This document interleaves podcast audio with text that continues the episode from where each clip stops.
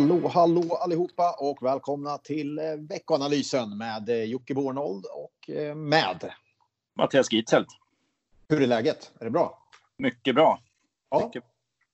Man börjar vänja sig vid hemmajobbet nu, så nu är det mer normalt helt enkelt.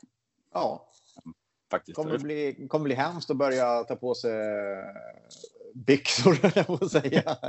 Skor tänkte jag säga. Men både och kanske, när man väl ska gå till jobbet igen. Ja. Ja, jag vet, man blir lite bekväm när man sitter här vid skrivbordet hela dagarna. Ja, vissa börjar Eh, upp sig med skjortor och slips, på att säga. men eh, jag tycker det går ganska bra att, att köra casual hemma. Ja, jag vågar knappt berätta hur jag ser ut. Det är bedrövligt faktiskt. Men eh, ja, Nej, det blir till att shapea upp sig lite grann. Jag måste åka in till stan på onsdag, så då får det bli ordning och reda. Du, eh, hur tycker du om marknaden då?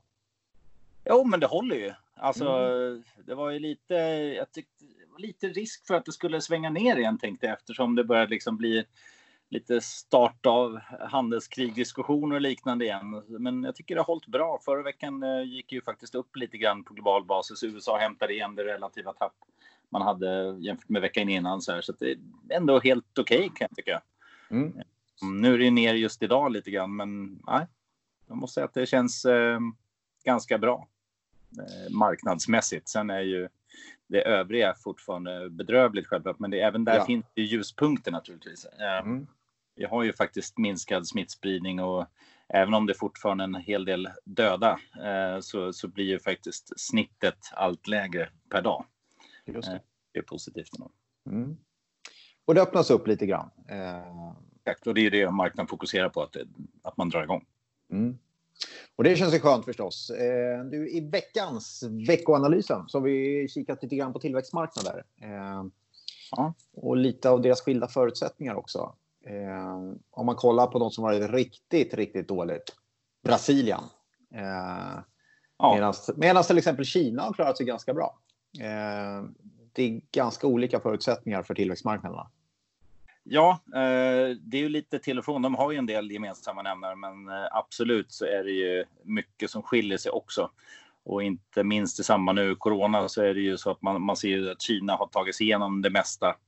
Eh, och sen så är det ju ja, en rad andra faktorer som spelar roll och i just Brasiliens fall som klarar sig mycket sämre. Då, så är det ju som vanligt lite politisk oro, bland annat justitieministern som har avgått. Ehm, och ja, därav så blir det ganska stora skillnader. Det man ska komma ihåg är att om man tittar på det ur ett investeringsperspektiv, vilket vi alltid gör, så är ju 80% av tillväxtmarknadsindex är ju Asien exklusive Japan. Sen Ja. är Latinamerika och resten 10 vardera.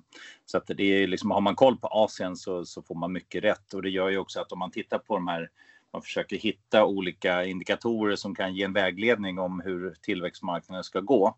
Så eh, ja, till exempel dollarn då, så är det ganska eh, självklart att om det påverkar den asiatiska marknaden mycket så gör det det även på, på, global, eller på, på globala tillväxtmarknader, det vill säga Latinamerika och andra också. Ehm, men det är som sagt det är ett par andra saker som spelar in också, självklart.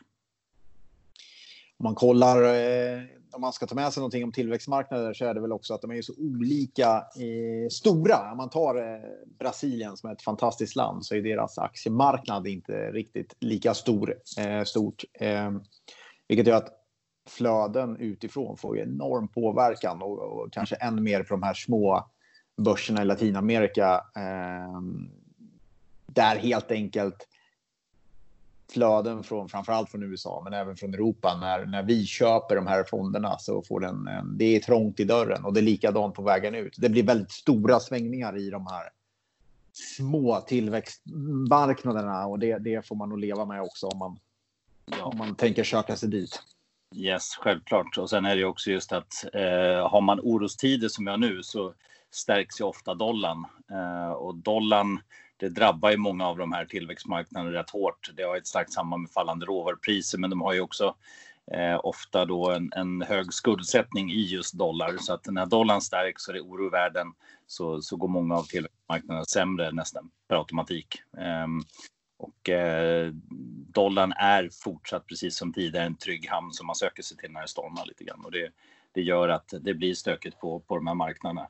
Sen som du sa, Brasilien, eh, det, ja, det är ett väldigt litet marknadsvärdesmässigt, men det är ändå det är 60% av latinamerikanska indexen. Då. Ja. Eh, det, sen finns det en rad andra länder som är ännu mindre.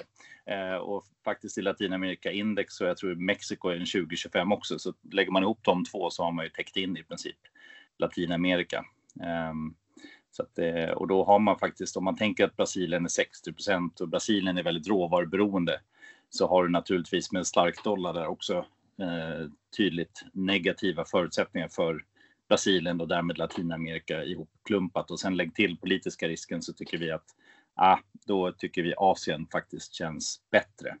Ja. Eh, så, ja, undviker fortfarande det som är alltför cykliskt, det vill säga råvaror, undviker det osäkra politiska läget och sen att Asien har ju också som sagt i med eh, virusutbrottet eh, och inte minst också en sektorsammansättning som är lite mer teknologi, vilket vi tror mer på, så har det bättre förutsättningar än till exempel Latinamerika. Eh, dollarn viktig förstås när det kommer till tillväxtmarknader, men om allt går som det ska gå enligt, enligt boken så bör väl dollarn försvagas om ekonomin går in i en lugnare period nu. Eh, allt annat lika, eller? Absolut, om vi får se en tydlig återhämtning och det inte blir lika volatilt och man börjar öppna upp på ett sätt som gör att ekonomin återhämtar sig bra. Och, eh, man kanske ser att eh, arbetsmarknaden som jag har visat en stor arbetslöshet hittills, eller ja, en kraftig minskning i sysselsättning och man ser att det faktiskt kommer tillbaka en del personer i arbete. Det är ju faktiskt så om man tittar på arbetsmarknadsstatistik så ser det i alla fall ut att vara en ganska stor del temporära eh, arbetsförluster, eller vad man säger.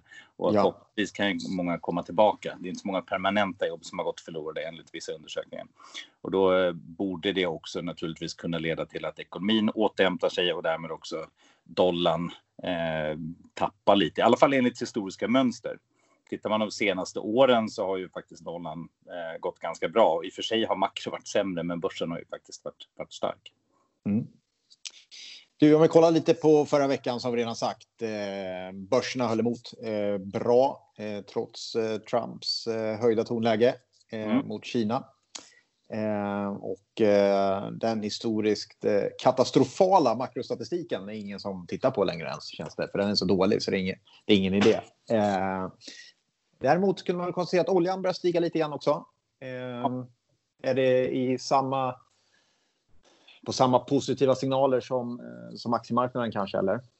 Ja, nej men alltså det är dels naturligtvis att man ser att man lättar på restriktioner och att det kommer tillbaka lite efterfrågan, men sen också att OPEC plus då sen första maj börjar begränsa produktionen, vilket gör att utsikterna kanske i alla fall inte är lika osäkra som de var innan. Ehm, så att eh, man, man letar efter de små positiva tecken som ändå finns.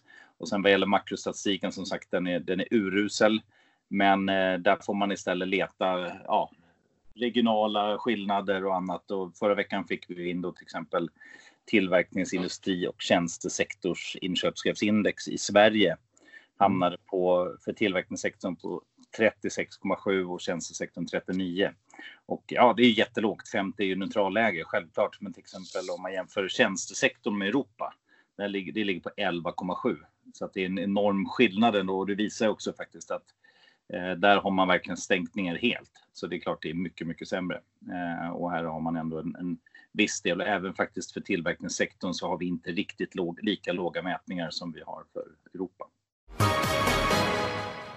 Bra. Ska vi eh, hoppa in lite i eh, det som kommer den här veckan då? Vad, vad, ska, man, eh, vad ska man titta på där? Jag kan bara lägga till jättekort här. Förra veckan vi fick ju som sagt också in arbetslösheten förra veckan för USA. Just det.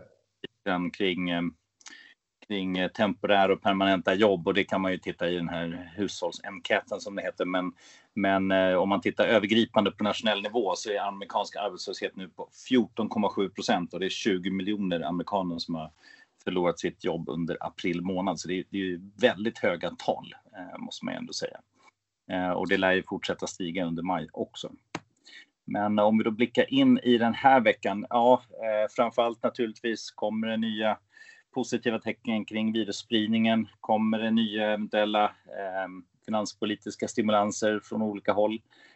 Så att mycket sånt naturligtvis i fokus och samtidigt som vi också ser att rapportsäsong och annat börjar väl avta lite så det kanske blir ännu viktigare att titta på just hur ekonomisk aktivitet kan ta sig tillbaka efter den kraftiga nedgången som har varit.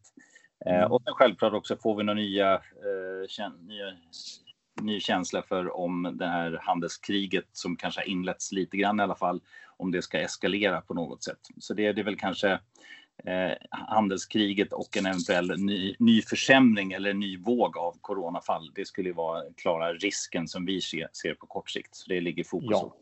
Sen har vi naturligtvis en del makrostatistik. Det kommer lite preliminär BNP-data från Tyskland och eurozonen. Väntas självklart falla, men det här är för Q1. Q2 kommer ju senare och det väntas ju självklart vara värre än så. Eh, ja. Inflationsstatistik kommer i Sverige, USA och eurozonen och även där är ju ja, en väldigt klen inflationstakt naturligtvis. Så att eh, bra att ha koll på, men kanske inte det som är nödvändigtvis marknadsdrivande just nu. Eh, då får vi hålla koll på det. Eh, börsen, nej, det är det som du säger. Det är en viss avmattning i rapportsäsongen. Men det kommer lite utländska bolag som man kan hålla lite koll på. Bland annat på onsdag har vi Maersk, spännande konjunkturindikator kanske, men har också eh, kinesiska bolaget Tencent. Kanske kan vara kul att kika lite på hur de har klarat sig. Eh, har också Commerzbank faktiskt som eh, är en bank som har det tufft. Eh, kan vara intressant att lyssna på vad de har att säga faktiskt. Eh, vad kommer mer? Vi har ju faktiskt rapport från Niba också. Det brukar vara en, en småspararfavorit eh, med småländska Nibe. De kommer på torsdag. Eh, har vi någonting annat man ska ha med sig? Ah, det är hyfsat lugnt tycker jag faktiskt. Eh, har vi glömt något? Nej, jag tror inte det faktiskt, utan eh, håll koll på alla signaler på eventuella ja, hur ekonomierna öppnas och vad, vad det får för effekter. Men eh, nej, inte det direkt så, utan eh, vi, eh, vi får se helt enkelt nästa vecka om det är någonting annat som påverkar. Mm. Eh, en ganska, egentligen om man tittar förra veckan så faktiskt ja, aktiemarknaden var upp lite grann. Om man tittar räntemarknad, valutamarknad, det, det är inte jättestora svängningar sista tiden jämfört med, med tidigare faktiskt. Så vi får se. Eh, hoppas att det fortsätter att bli lite stabilare. På något sätt. Jajamän. Det gör vi. Du, eh, vad bra. Då säger vi att det här var veckans, veckans veck veckoanalys. Det var väldigt mycket veckor där. Eh, det här var veckans podd säger vi. Eh, ha det gott allihopa så hörs vi nästa vecka. Det gör vi. dödar, så var ni era kära mödrar och var ni era fäder med. Därför partypatrullen och kräver det. Och vågar inte stå där stilla med benet på väggen, stå där och chilla. Då kommer discosnuten bötfälla dig, då får du discotruten. Olagligt att inte dansa, asexuell, straight eller transa. Och vi ska upp bland molnen, varannan dag med nasse och skål sen. Vi ska twista till svetten, lackar till polisen, juristen och rätten backar. Skiter i tiden och vad klockan slår när vi revar hela dygnet så långt vi förmår.